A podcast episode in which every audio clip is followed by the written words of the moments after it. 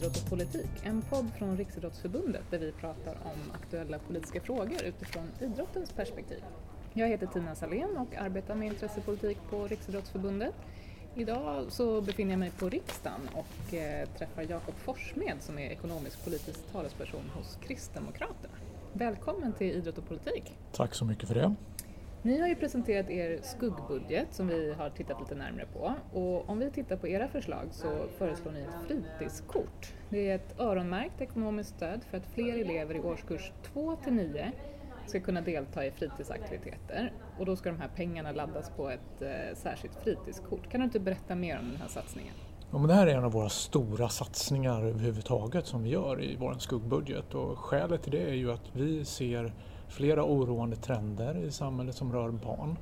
Eh, det första handlar ju om att vi ser en kraftig ökning och har sett under lång tid av den psykiska ohälsan och jag tycker att politiken ofta då eh, riktar fokus på så att säga, den sista åtgärden, nämligen barn och ungdomspsykiatrin, eh, alltså den typen av åtgärder som kommer sist när barn mår väldigt, väldigt dåligt och har gått och mått dåligt under väldigt lång tid.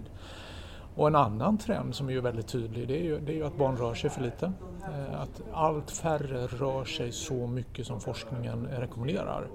Eh, och det vet vi påverkar både koncentrationsförmåga, inlärning, eh, BMI, skelett, muskler, leder, lungor.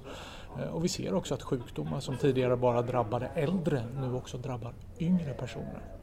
Och en tredje skäl är att vi, vi tycker att vi behöver fler mötesplatser, mer gemenskap att vi också har liksom lyssnat på de organisationer som, som pekar på att många barn känner ensamhet och inte har ett sammanhang där man känner sig trygg i. Eh, och det här har ju liksom en gemensam lösning tycker jag och det är ju att fler ska få chansen att delta i, i föreningslivet och inte minst då i idrotten och det är därför som vi, vi lägger det här förslaget. För vi ser att eh, alla har inte de, de förutsättningarna.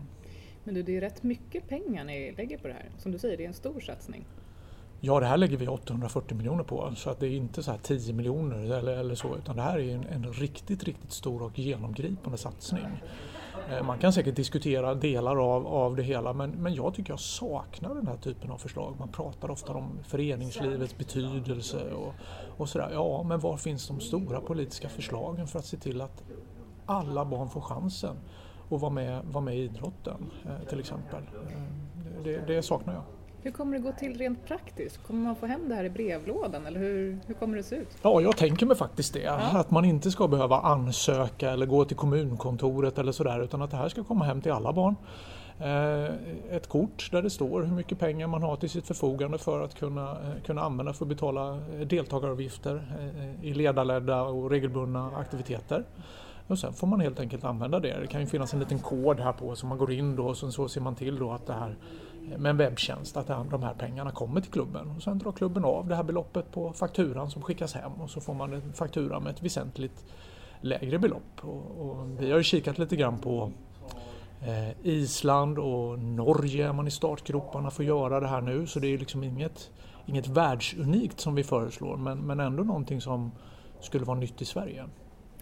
Men jag tänker att vi vill ju såklart att våra förbund och föreningar ska identifiera ett antal trösklar, alltså höga trösklar som man ska sänka för att fler ska komma i rörelse. Precis som du pekar på, att vi vill ju att folk ska komma till idrottsrörelsen, det ska vara enkelt.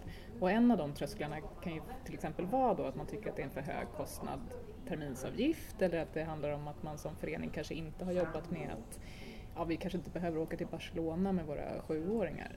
Tror att det finns en risk med ett förslag att man nu struntar i att liksom göra det där egna jobbet i föreningen? Mm, vi har ju precis som du noterar, eller själv nämner här, vi har ju noterat att, att avgifterna till idrottsföreningar har höjts.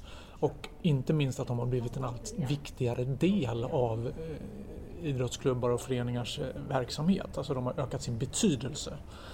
Eh, och, och, vi tror ju att det är ett skäl till att färre också deltar och inte minst då den tydliga statistik som vi ser att barn i ekonomiskt utsatta hem eller med två utrikesfödda föräldrar deltar i betydligt mindre utsträckning. Eh, och det här syftar ju till att delvis avhjälpa det. Eh, att de som har ekonomisk utsatthet får ett betydligt större belopp än andra. Men jag skulle vilja se att skulle det här förslaget bli verklighet, vilket jag verkligen hoppas, så, så får man ju också liksom eh, föra en dialog med idrottsrörelsen. Följa upp att inte man höjer avgifterna då automatiskt med 500 kronor. För då har vi ju inte åstadkommit det som vi vill göra. Så att då får man väl göra ett slags handslag eller någonting. Att, att man säger att ja, men vi, eh, vi förstår att det här är en viktig fråga och vi vill göra det här men, men då förutsätter ju det också att vi, vi jobbar med det tillsammans.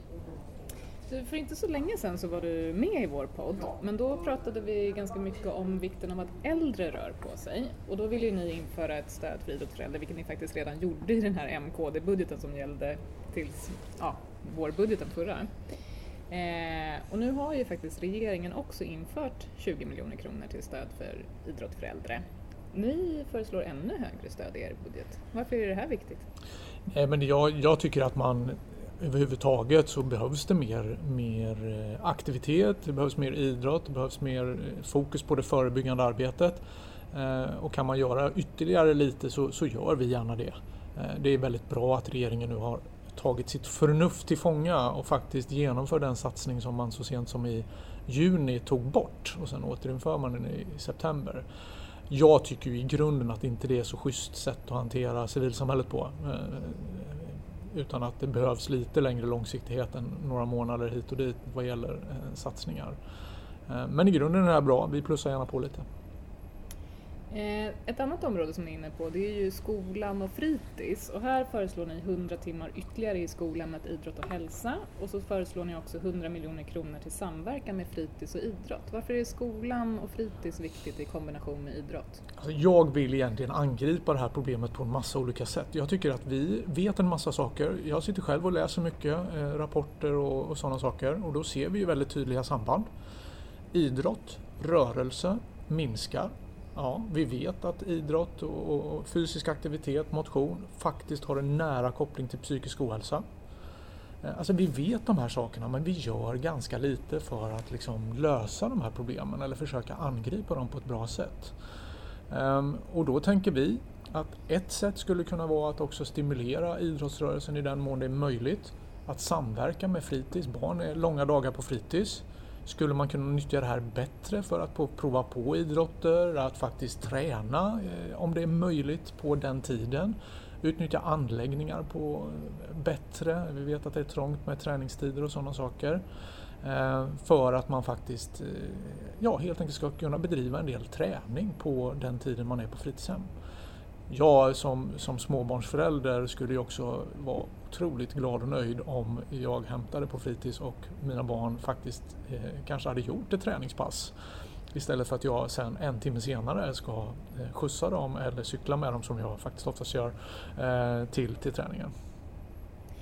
Ett annat område som ju handlar om väldigt mycket om förebyggande arbete och här gör ju idrottsrörelsen väldigt mycket nu. Det är ett område som vi kallar för trygg idrott.